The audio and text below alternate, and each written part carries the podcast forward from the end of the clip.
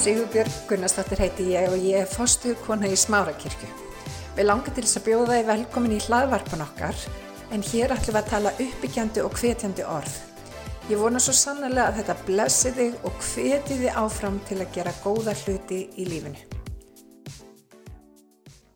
Það er indislega nærveri hérna. Það er alveg bara, maður er umvafinn kærleika Guðs, maður finnur það. Um, mér langar til þess að tala við ykkur í dag stuttlega um að vaksa í Guði. Og svona aðdraðandina þessu er bara hreinlega mín glíma svolítið við Guð út af því að við stöndum á mjög spennandi en jáfnframt alvarlegum tímum. Og ég finna Guð vil vinna verk í hjart okkar. Um, og kirkjan þarf að rýsa upp. Hún þarf að rýsa upp sem aldrei fyrir. Og hvað er kirkja? Kirkja er bara einstaklingarnir. Það er ekki þessi bygging, það eru við. Og það er bara svo mikið atriðvinir að nú á þessum tímum sem við lifum á, að við setjum rætur okkar djúft og við leifum Guði að vinna í okkur það sem að þarf til þess að, að vilji hans ná fram að ganga. Og ég heyra amen. Þannig að við ætlum að lifta upp höndum okkar og við ætlum að bara gefast upp fram fyrir Guði og þakka honum. Drottin, ég bara lofa því í dag. Ég þakka þér heila í faðir. Þú ert hér, drottin minn, og þú vilt tala til okkar, drottin.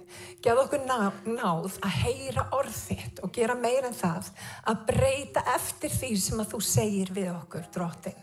Og ég byrð drottin minn um að taka það burt sem ekki á heima. Og drottin viltu gefa okkur þessa dýrmætu steina, drottin minn, sem er bara ávöxtur að kærleik samfélaginu við þig, drottin. Einingar samfélaginu við þig, drottin. Og ég byrði fyrir kirkju þinni, drottin minn, að við mættum rýsa upp sem aldrei fyrr. Að við mættum setja rætur okkar dýbra. Að við mættum bera mikinn ávöxt, drottin. Því á þessum tíma sem við lifum á, þá munum við sjá ríkulega uppskjöru. En það mun koma úr litlu sem engu. Því að það sem að drótti minn fólk álíti vera mikið, það álíti þú ekki vera neitt. En þú horfir á hér smáa og segir þarna get ég unnið. Drótti minn gef okkur nátis að vera smá í augum heimsins. Halleluja. Í Jésu nafni og allir líðurinn sagði. Amen. Þannig að mér langar til þess að eins og ég sagði, ræða við ykkur ölliti í dag varandu vöxt í Guði.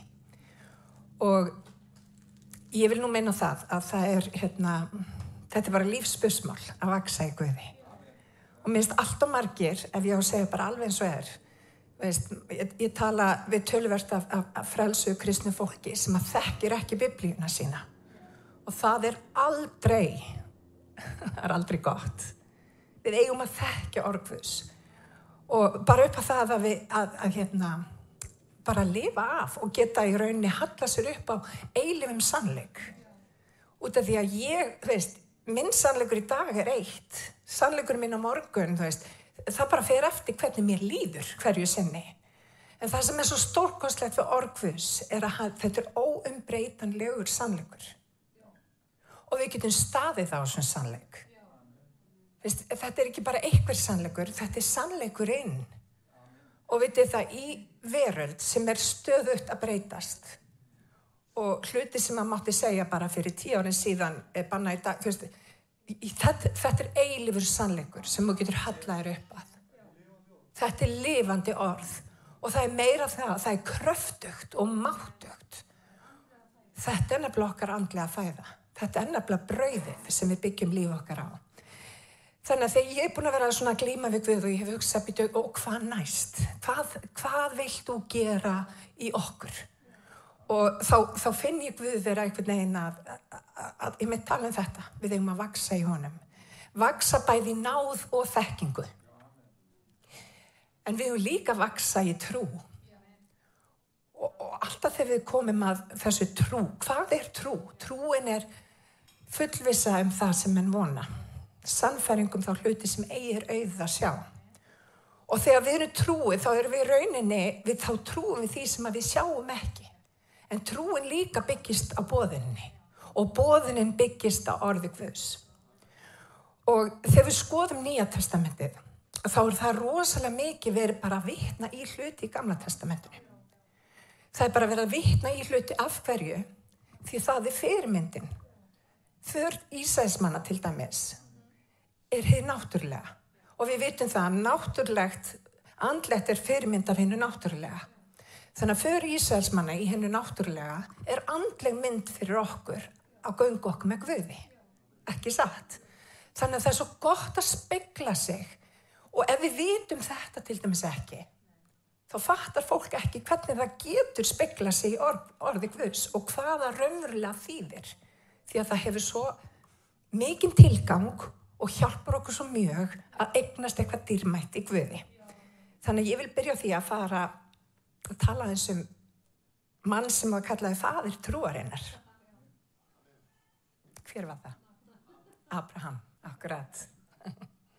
ok, við ætlum að fara í fyrstu mósibók og í 21. kabla.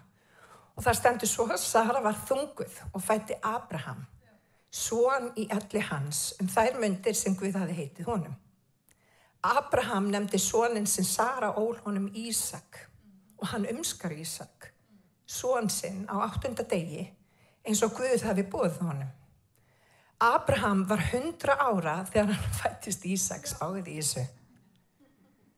Þú veist, hann var búin að lifa með þessu lofur í öll þessi ár. Hann myndi vera fadir, þú veist, margra, já bara, þú veist, það var ekki hægt að telja niður hans. Og Sara saði, Guð hefur gefið mig hlátusefni. Hún var löngu farin á breytingarskeiðið og var löngu hægt að geta eignast börn á þessum tímapunkti. Hver sem heyri þetta mun hlæja með mér? Og hún bætti við, hver hefði sagt við Abraham, Sara mun hafa barn á brjósti, samt hef ég fætt honum svon í allir hans. Svon er Guð, hann er stór og hann er mikill. Og versnum er átt að sveitnin dapnaði og var vanin að brjósti. Þann dag er Ísak var vanin að brjósti, gerði Abraham mikla veyslu sá þá Sara són Hagar hennar Egefsku sem hún hafi fætt Abraham að leik. Já, og sagði við Abraham, rektu burt ambátt þessa og són hennar, því að ekki skal ambátt sónurinn taka arf með Ísak seni mínum. Þetta er alveg aðra búið.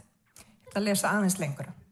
Abraham fjalli þessu orð mjög þungt vegna svona síns, en Guð sagði við Abraham, lát falla Lát þér ekki falla þetta þungt vegna sveinsins og ambáta þinnar.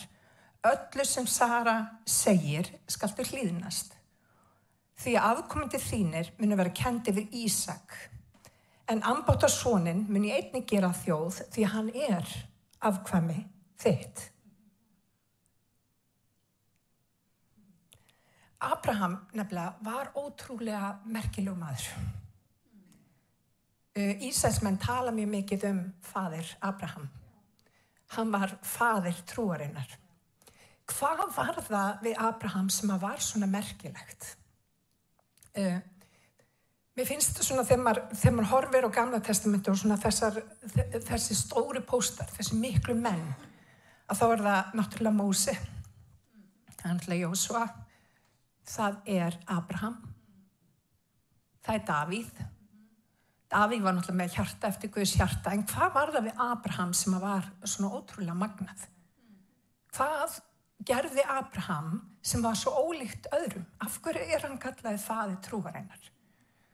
Hann treysti Guði og hann hlusta ekki bara á orð hans, hann gerði eins og Guði bauðunum. Og stundum var það bara þvert á hans eigin vilja. Og við búum í þjóðfélagi sem að upphefur egoið. Við erum, erum að reyna að vera klárust og best og ég veit ekki hvað og hvað og hvað. Og við í rauninni setjum á stall fólk sem er með alveg óbúslega mikið ego. Egoið er endalust upphafið. En Guð segir til þess að nálgast mig þá þarf það að læra auðmygt. Auðmygtin er vegur að drotni. Og það sem að Abraham kunni er þetta að auðmyggja sig undir orð Guðs framar hans eigin tilfinningum. Og vinir, það er vöxtur. Það er ekkert mál að lofa Guð á samkominn þegar þú ert með gæsóðu og allt gengur upp á við. En það er öllu erfiðara að lofa Guð þegar himnarnir eru smeir. Þegar það er bara kallt í kringum okkur þegar það er erfitt að vera til þá er erfitt að lofa Guð En í Guði þá eru þessa vogaskálar. Það eru upphefð, en það er líka auðmíkt. Og málið það upphefðin hefur svo mikið með það að gera að það sem er sjáanlegt. En auðmíktin býr til karakter. Auðmíktin er í rauninni karakterinn og Guð vil eiga við karakter okkar. Það er það sem Abraham hafði fram yfir annað fólk á þessum tíma. Hann auðmygti sér undir Guðsvoldi og hönd. Og ef við mættum bara gera það öll, þá væri staðan öðruvísi. En við lesum þessa frásögn. Þarna er Ísak fættur, drengurinn sem hafði fyrirheitið og þau voru búin að býða og þau voru búin að býða. Og hvað gerum við þegar við erum að býða eftir loforu Guðs? Við fyrir svolítið að hjálpa Guði. Það er það sem að þau gerði. Guð er ekki alveg með þetta tæru, hann veit ekki alveg hvað hann er að gera, ég ætla pínlita að hjálpa hann.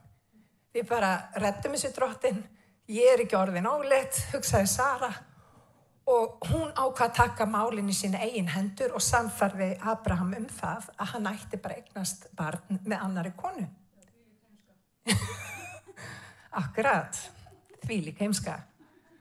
Ég að þetta getur virkað í smá stund en þið sjáu það bara, it's catastrophe waiting to happen. Þetta er ekki gott. Það úr nefnilega situr uppi með afleggingar.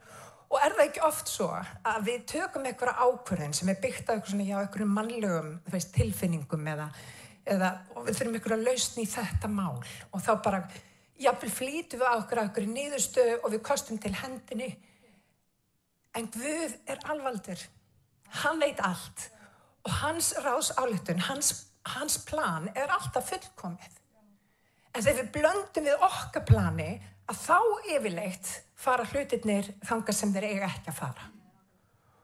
Og það sem að gerist hér er að þau, setja uppi með afleðingar. Dróttin var búin að lofa þeim sinni. Það tók tölvert langan tíma og það er yfirleitt þannig með drottin. Okkur finnst hann yfirleitt koma aðeins og seint en hann samt kemur á réttum tíma vinnir hann er með hann er með tíma til þess að ofinbera dýrf sína. Og það er yfirleitt þegar við getum ekki hrósa okkur sjálf af, af hérna kraftaverkinu. Hann notar þannig aðstöður þannig að það fara ekkert að milli mála. Það er hann sem er að vinna. Og það sem að gerist þarna er að þau, þau situ uppi með afleðingar Þau gerðu mistök. Og það er rosalegt að setja uppi með afleggingur út af því að það var alveg skýrt. Hann, Ísak, var sonur fyrir heitsins. Og hvað gera bændur þá?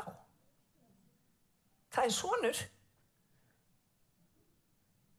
Og Sara, sem í rauninni kom þeim í þetta vandamál, nota bene, hún samfærði Abraham um að þetta væri góð hugmynd og þarna var bara svona hans komið og þið getur rétt ímyndað okkur hann bar tilfinningar til svona síns. Eins og við myndum öll gera. En þetta var ekki leið Guðs. Þannig að Abraham leitaði Guðs. Og það er kannski fyrsta atriði. Vinnir í svona kringustæðum þá verðum við að leita Guðs. Hvað er Guð að segja? Hvað hefur Guð sagt? Og Guð sagði við hann gerð það sem að Sara býður. Og ég er alveg samfærið um það, það kannski stendur ekki nákvæmlega, þú veist, orðarskipti þeirra, en þið getur rétt ímyndað ykkur. Abraham öruglega með alls konar tilfinninga gagvart þessu. En það sem er svo magnaði við Abraham, sem að við getum tekið, við getum tekið okkur til uh, fyrirmyndar, það er það að auðmyggja okkur undir það sem að Guð hefur sagt og gera það sem að Guð bóðar. Og það sem að gerist er að, er að Hagar og Ísmael, þeir, þau fara.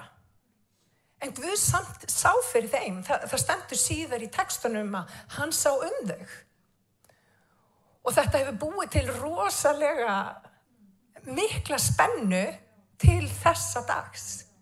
Þegar við erum að tala um Ísæk, er, er hérna Ísælsmenn forfæðir Ísæls manna. Eh, Ísmæl er forfæðir um, múslima. Og við erum að tala um það er rosoft mikil spenna þarna á milli. Hugsið ykkur hvaða aflenga það hefur að fara bara ekki eftir því sem að Guð segir. Að blanda okkar eigin. En enga síður þá passaði Guð upp á svonans. Hann sagði við hann, ef við lesum þetta, en ambátt á svonin muni einni gera þjóð því hann er afkvæmið þitt.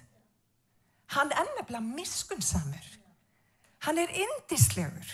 Og jáfnvel þegar við erum búin að taka ykkur ákvæmni sem eru kannski ekki vilja Guðs, þá er hann samt miskunnsamur. En það er ekki hægt að blanda þessu tvennu saman. Og vinni, þegar við förum að vaksa í Guði, að þá fer hann fram á það að við í rauninni aðskiljum okkur frá alls konar hlutum. Og það sem við sjáum í þessum texta er aðskilnaður. Við sjáum, við sjáum mynd upp á aðskilnað og það má eiginlega segja að þetta sé fyrirmynd upp á hold og anda. Þetta eru tvær þjóðir og vinnir í mínu hjarta og í þínu hjarta eru tvær þjóðir. Og við þurfum að aðskilja okkur frá annari þjóðinni. Það er mjög mikilvægt. Þannig að aldrei láta neitt segja ykkur annað en að það þurfa að vera aðskilnaður. Uh, Biblían talar um að í gegnum umskurn þá gerir Guð sáttmála við mennina. Uh, við vitum það í Nýja testamentinu að þá er umskurnin ekki eins og að gera það þeim tíma, heldur hefur hún með umskurn hjartans að gera. Og það sem er að eiga stað hérvinir er umskurn. Það er aðskilnaður. Og ef að það verður ekki þessi aðskilnaðvinir, ef hann fær ekki að reynsa burt það sem er fyrir, þá myndi aldrei bera þann ávöxt sem að Guð hefur ætlaður að bera. Það er málið. Og hann er samt miskunnsamur. Við gerum öll mistök. Við veljum alls konar vittlesu og hann elskar okkur samt. En auðvitað eru afleðingar. Það er málið og fólk gleymir því ofta tíðum. Þess vegna vil ég segja við fólk, passið ykkur út af því að það eru afleðingar. Vinnir, þegar Guður er eiga við mitt hjarta, þá er hann að fara fram á það að ég er ekki sama manneskjörn ég var fyrir árið síðan. Hann þráir að sjá mig vaksa og dapna og verða alltaf sem ég á að vera. Vinnir, og kirkjan má ekki vera eins og líti barn sem er alltaf á brjósti hann nefnilega nákvæmlega gefur allt til þess. Hann gefur okkur, vitið það, aftur og aftur tækifæri til þess að nálga sig. Og það sem að meira er, vinnir, við munum öll standa frammi fyrir því að þurfa að taka þessu ákvörðun, að fylgja holdinu eða fylgja andanum. Og málið það, ef þú segir nei, það hefur aldrei komið fyrir mig, ég hef aldrei þurft að taka þessu ákvörðun, það er ekki rétt. Ef þú tekur ekki þessu ákvörðun, þá verður ákvörðunin tekinn fyrir því. Þá tekur holdið yfir og það fer ekkert á milli mála. Það er tömleysi, það er alls konar hluti sem ávextir af því. Og vinnir í dag að þá ber okkur sem kristinni kirkju að taka breytingum. Að vera ekki bara heyrundur, heldur vera líka gjörundur. Að leifa þessari umskurn hjartans að eiga sér stað. Það er svo mikilvægt. Og vinni, Guð er að, Guð er að vekja fólk. Ég er að tala við fullt af fólki sem er bara búin að vera bara að liggja við gödurnar. Finnur það ekki? Það er margt að gerast í Guðsíkjunu, þið kannski sjáu það ekki hér á samkomu, en ég er að segja ykkur, fólk er að vakna upp. Því að fólk veit hversu mikilvægum tíma við lifum á. Og vinnir, tíminn styrtist. Og við erum að sjá alls konar tíman að tákn vera allstæðir í kringum okkur drepsóttir, stríð og annað. En vitið það, með því eru líka gríðarlega tækifæri. Að upplifa þessa, þú veist, Guð eiga við hjart okkar. Því að við eigum ekki að vera þau sömu við vorum fyrir tíu áni síðan. Ég á að hætta að, að, að gera alls konar hluti. Meðal annars að enda setningar fyrir alla. sem ég virðist aldrei ná. Ég er alltaf að enda setningar, að tala of hægt. En veitir það, það er eitt af þessu sem ég þarf að læra að krossista. Það er alls konar hlutir í mínu hjarta sem að ég verð að breyta. Bara upp á það, bara fyrir okkar hjónaband. en líka upp á Guðsíki og þess að setur hann í okkur, veist, okkur í aðstæður. Og við spyrjum oft, býtu, af hverju er svona mikilvægt að koma saman? Af hverju er komið svo mikið gegn kirkju Guðs að við söpnum saman? Það er eitthvað sem gerist þegar við söpnum saman því að það komir bara alls konar áregstrar, óþægindi. Það er svo nöðsulegt og fyrir utan það við erum svo miklu öflugur í einingu. Og þegar ég næ segri í Guðsíkinu og ég blessa þig með þeim segri að þá blessast þú og það hefur áhrif að þig með samhætti ef ég er á klúður eitthvað og ég kem til mömmu eða ég kem til Guðmyndar og Siggu eða, eða eitthvað aðra, eitthvað annara og ég, ég, ég færi fram veist, bara stend í sannleika þá er bara svo gott að geta spekla sér í öðrum og hvað Guð er að gera í öðru fólki það er það sem við verðum að eiga og þess vegna kallar Guð Ísæðsli í söfnuð og það, það er svo mikilvægt að við komum saman það er eitthvað sem gerist þegar við komum saman í einum anda það gerast góði hlutir líka erfið hlutir. Og vitið það, ég bara segja ykkur, gott dæmi um, þú veist, göngunum með hvið er til dæmis hjónabandið. Hjónaband er ekkit annað en, veist, kraftaverk. Það er það. Í hjónabandi þá þurfa tveir einstaklingar að vaksa. Þeir þurfa að þroskast. Annars gengur hjónabandið ekki upp. Og ef annar aðilinn neytar að þroskast, þá getum við alveg ímyndu okkur hvernig það endar. Það endar ekki vel. Ef að tveir einstaklingar er ekki tilbúinur að þróskast, þá mun hjónaband ekki lifa. Þess vegna er hjónaband kraftaverk. Hjónaband sem að gengur upp er kraftaverk. Það er leiðgviðist til að eiga við hjartað okkar og þvílikt og annað eins. Og ég skal alveg segja ykkur það, og ég er búin að segja það áður, Ég þurfti miklu meira að breytast heldur en allir. Það er alveg þannig. En allir þarf samt að breytast. ég var það að segja þetta alveg. En ég er samt meira. Það er bara þannig líka. Halleluja. En það þarf að vera aðskilnaður. Og vinnir, þarna skilur svolítið á milli feiks og ófeiks í þessum aðskilnaði. Guð nota nefnilega óþægilega kringustæður til þess að færa fram aðskilnaði í okkar lífi. Hann er Guð hæðarinnar en hann er líka Guð dalsins. Við kynnumst nýri hliða Guði í dalum. Við kynnumst, við kynnumst honum með nánari hætti þegar allt gengur ekki upp í okkar lífi. Það er þannig og við erum í stað þess að mögla hvart og hveina að þá er bara svo mikilvægt að taka út þroskan. Og mér finnst ofta tíðum, sko, Íslendingar líkjast Ísælsmennu svolítið mikið. Við erum svolítið svona harðsvíraði líður. Við látum ekki beigja okkur. Út af við höldum að það sé eitthvað, eitthvað slæmt. En það er nefnilega lí. Og það er nefnilega málega þafinir. Í ríkikvöðs, ef þú bara auðmikið þig, þá mun að lifta þér upp. Það er ákvæmt öfitt við það sem við sjáum í heiminum. Það er fyrst alveg glansmynd og svo er fólk tekið niður. En Guðið þannig að við þurfum auðmíkt og svo liftir hann okkur upp. Og þetta er frábært. Þetta fæði fram egoleysi í okkar lífi og ekki veitir af. Allt í hennu þetta ég um mig frá mér til mín. Það þarf að krossvestast. Og allt í hennu fyrir við að vera meðvitaður um bæði Guð, hvað Guð er að segja eins líka bara hvað, hvað er að gerast hjá öðrum þegar við krossust um holdið með ástriðum þess og gindum að þá gerist eitthvað á göngunum með Guð og það er svo mikið frelsi í því að vera ekki uppfullur af ekoi að vera ekki uppfullur af eigin plönum það er stórkostlegur lindadómur og það er ekki tilneitt betra Halleluja þannig að hann er uppafð hann er uppefð en hann er líka auðmygt. Og vinir, þegar við blöndum sama okkar vilja og hans vilja, þá kemur það aldrei neitt rosalega vel út.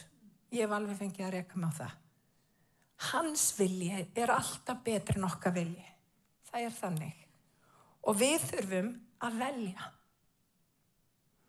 Hefði Ísmæl haldið áfram heima, hvernig hefði það endað? Þetta er eins og Sara sagði, eh, og Guð sagði við Söru, Ísak er fyrirheitið.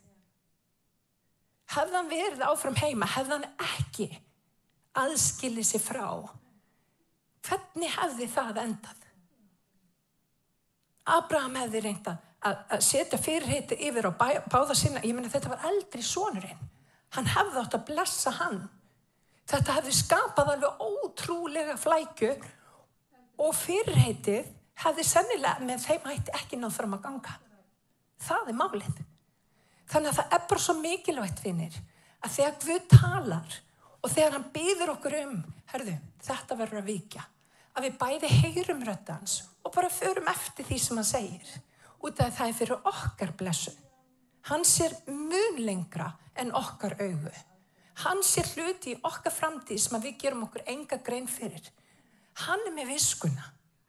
Má ég heyra með hann? Halleluja. Það þarf aðskilnaður. Amen.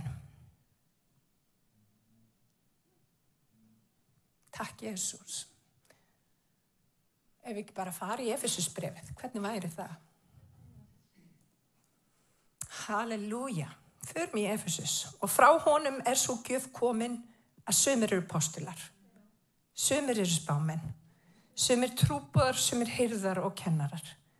Þeir eiga fullkomna hinu heilugu og láta þeim þjónust í tíu. Atvið þetta, þeir eiga fullkomna hinu heilugu. Þarf að fullkomna hinu heilugu. Erum við ekki bara fullkomin? Nei, við erum bara langt frá því að vera fullkomin.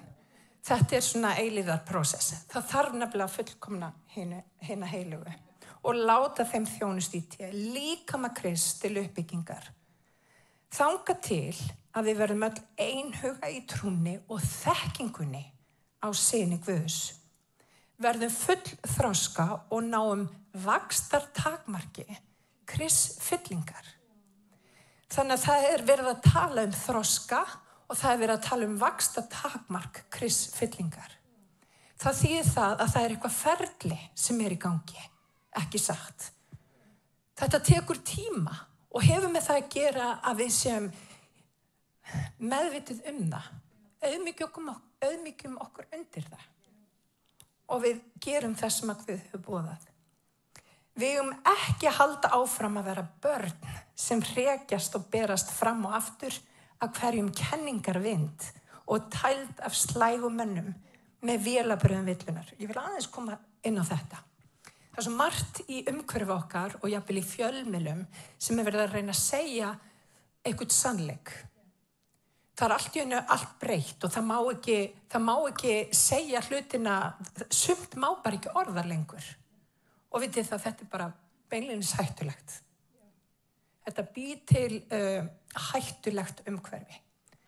Við þurfum að passa það að láta ekki, þið vitið, láta slæga menn eða bara það sem við lesum, að trúa öllu því sem við lesum og, og, og jafnvel í því sem er verða verða að bera á borð frammi fyrir okkur. Vitið það er svo margt í gangi sem er bara, sem er bara andkristilegt. Og við, já, heldur betur, og við eigum ekki, vinnir, við eigum ekki bara að lesa yfir og vera ekki með neina gaggrína hugsun. Við eigum að vera með gaggrína hugsun. Og vitið það, það er hættulegt það sem er eigað sér stað núna. Uh, þú heyri bara eina rödd eina ríki skoðun eila öllum málum annaði bara að kalla haturs orðræða þannig að það er ekki upplýst umræða um neitt, þau veist, svo marga hluti. Og veitir það við verum að passa okkur að láta ekki hrekja okkur til og frá ef við þekkjum ekki orðvus þekkjum ekki hvar við eigum að standa og erum þetta tré sem að bara flöktir til og frá og er jafnvel rifið upp með rótum. Þá er þetta að segja okkur hvað sem er. En það á ekki að vera hægt. Við höfum að standa á eilifum sannleik og við höfum ekki að láta hrekjast til og frá á hverjum kenningavindi eða því sem við heyrum. Það er bara ekki þannig. Má ég heyra amen? Amen. Við erum að ekki halda áfram að vera börn sem hregjast og berast fram og aftur á hverjum kenningavindi, tælt af slægum mönnum með vélabröðvillunar. Við erum að ástunda sannleika í kærleika og vaksa í öllu upp til hans sem er höfuðið, Kristur. Þannig hér kemur svo skýrt fram að við erum að vaksa. Og þegar Guð er að láta okkur vaksa, þá þarf hann að hreinsa greinarnar. Það er margt við greinarnar okkar sem að þarf bara hreinlega að hreinsa. Ég tala um áðan óþölumæði, klára setninga fyrir alla. Það er svo margt annað sem að Guð þarf að eiga við í mínu lífi. Og það sama gildur um okkur öll. Og í staðin fyrir að berja hausnum við stein og bara nei, ég ætla, ég ætla að vera svona. Ég ætla ekki að breytast. Leifum kjallega Guðs, leifum hugum Guðs að koma inn í líf okkar. Leifum honum að reynsa það sem að þarf að reynsa. Leifum honum að búa til aðskilnað það sem að þarf að vera aðskilnaður. Þá að vera munur á okkur og heiminum. Þá að vera heilaleiki. Því að samfara yðruninni þá kemur breyting. Og við höfum kannski ekki lagt nóg mikla áherslu að það vinir. Við eigum að breytast. Þegar við heyrum orgvöðs að við séum ekki bara heyrendur, að við séum raunverulega gjörundur. Þannig byggist kirkjan upp og verður það sem hún á að gera og gengur inn í fyrirheitið. Þegar þessa, þessi aðskynlaður hefur átt sér stað. Halleluja. Er það náðs í dag? Gott. Það er gott. Já, meðan. Takk, Jésús. En Guð hefur allavega verið að eiga við mitt hjarta. Og fyrir mér er aðskilnaður eiga sér stað. Akkurat núna. Já. Og ég ætla bara að leiða honum eiga sér stað. Ég ætla að hætta að standa mótonum. Þetta er bara það sem Guð þarf að gera til þess að ég komist upp á, veist, á þann stað sem ég þarf að vera. Og biblíðan talar um að við erum að vera eins og fórn og alltaf í Guðs. Og það er ekkit aðlandi tilugsun að vera ykkur fórn. en það er samt svo ótrúlega blessað. Og ég skal alveg segja ykkur það. Út af því að við höfum verið fórn og alltaf í Guðs varandi okkar hjónaband, þá lifum við alveg indislu hjónaband í dag. Þetta hefur með það að gera, við leifum hviða á okkur. Við leifum hviða eiga við líf okkar. Við þurfum að gera það varandi sískin okkar, hvernig við komum fram með hana fólk. Við þurfum að leifa hviði að eiga við okkur og vera þessi fórn og alltaf í Guðs. Leifa þessum aðskilnað að eiga sér stað. Önnur leið, vinnir, það er að yðrast. Við þurfum að yðrast. Við þurfum að horfa, og ég er búin að vera að horfa svolítið yfir farin við núna undarfarið og bara, veist, það eru margar ákvörðin sem ég hef tekið sem er ekki endilega góðar. Og veitir það, ég er bara í því, ég er bara svona, ok, þetta, þetta þarf ég að laga, þetta þarf ég að breyta og ég finna bara, Guð er að fara fram á það við mig að ég seti rætur mínar djúft. Að líka að uppfræða líkamann. Það er mjög mikilvægt, vinir, að við sem líka með Guðs að við vitum hvað, hvað reytingin kennir. Og við þurfum að taka orðið sem er steikt í eldi og við þurfum að borða það allt. Biblían kennir það. Þeir áttu að borða allt lampið. Það var steikt í eldi, það var ekki soðið, það var steikt í eldi sem hefur með eldkvís að gera. Halleluja. Og við erum að borða það allt. Halleluja. Rísum að fættir. Já. Vistu það, það er eitthvað svolítið í gangi. Segð þetta í mikrofónin. Þú ert að horfa með augun trúarinnar. Trúin í samfæringu þá hluti sem ég er auðvitað sjá og í henni að fullisa um það sem er eigið að sjá og það sem, þegar þú sér svona hluti í þín lífi þá ertu búin að sjá með augum Abrahams og í henni trúinni fullisa um það sem er vona samfæringu þá hluti sem eigið er auðvitað að sjá samfæringin er komin í hjartaðið og þar að leiðandi ertu að eignast trú Abrahamsin í hjartaðið Og það sem Abraham sá, hann sá Jésu Kristi á krossinum þegar hann fór með Ísak upp. Hann horfið fram til krossins. Og, hérna, og það, það sem þú ert að sjá, það er það, þú ert að sjá hann í framtíðina. Með augun trúarinnar, hvar þú verður. Það er eitthvað í gangi, ég get alveg sagt ykkur það. Amen. Bara lút maður söfði, komið inn dömur, endilega. Drottin er bara komið fram fyrir þig. Drottin ég bara blessa þig í dag. Drottin ég þakka þig fyrir aðskilnað. Ég þakka þig fyrir drottin minn það verk sem að þú ert að vinna. Ég þakka þig fyrir það drottin minna að við erum ekki þau sömu við vorum fyrir, fyrir ári. En við erum ekki ennþá þau sem að þú vilt að við verðum, loka útkoman. Og drottin við gefum okkur undir þína volduga hönd. Og ég byrði drottin viltu eiga við hjart okkar. Hverjum og einum hér í dag viltu eiga við hjart okkar. Og ég byrði maður fyrirgef okkur. Og ég byrði við drottinum að, að reynsa hug okkar af því sem er að trubla okkur. Það er svo margt í umhverfinu sem að getur bara trubla okkur og teki fókusina þér. Og drottin ég byrði drottin að gefa okkur eira sem heyrir. Og ef að það er of mikið í umhverfu okkur, okkar sem er að tröfla okkur, gefa okkur ná til þess að einfalda lífið. Að við búum til stað, að við búum til pláss fyrir þig að tala til okkar. Og drottin ég byrði Jésús að við mættum hægt að vera eins og lítil börn, heldur að við mættum vaksa upp til höfusins með Kristur. Halleluja! að við mættum vera að rýsa eins og borg eins og hús sem er í, bara full smíðað drótti minn. Ekki bara með eitthvað grunn heldur full smíðað hús. Halleluja. Og dróttin ég byrjum að gefa okkur auðmíkt drótti minn til þess að taka afstöðu. Ekki endilega með því sem að flestir segja sér sannleikur heldur það sem að er sannleikur. Að við tökum afstöðu með þér. Þú tókst afstöðu með okkur á krossinum. Þú frelsaðir okkur á krossinum, drótti minn. Og í dag þá tökum við afstöðu með þér. Dróttin, ég byrðum að eiga við hjart okkar og byrða að eiga við hug okkar og gefa okkur nátils að hlaupa eftir þér. Sleppa öllu öðru. Við erum ekki með einhverja hjákviði eða, eða hluti sem er að trubla okkur og, og halda fyrir okkur vögu jafnvel.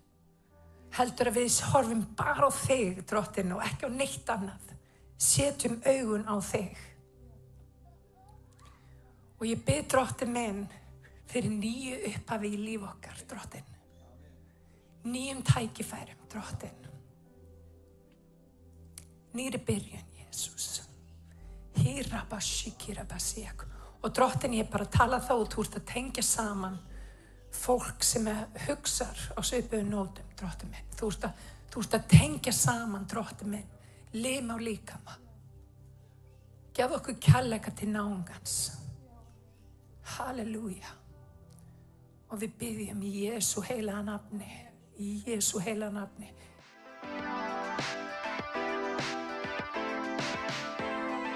Ég hveti til þess að stilla inn á okkur með reglum hætti því að hér verður alltaf eitthvað nýtt á nálinni. Takk fyrir að hlusta.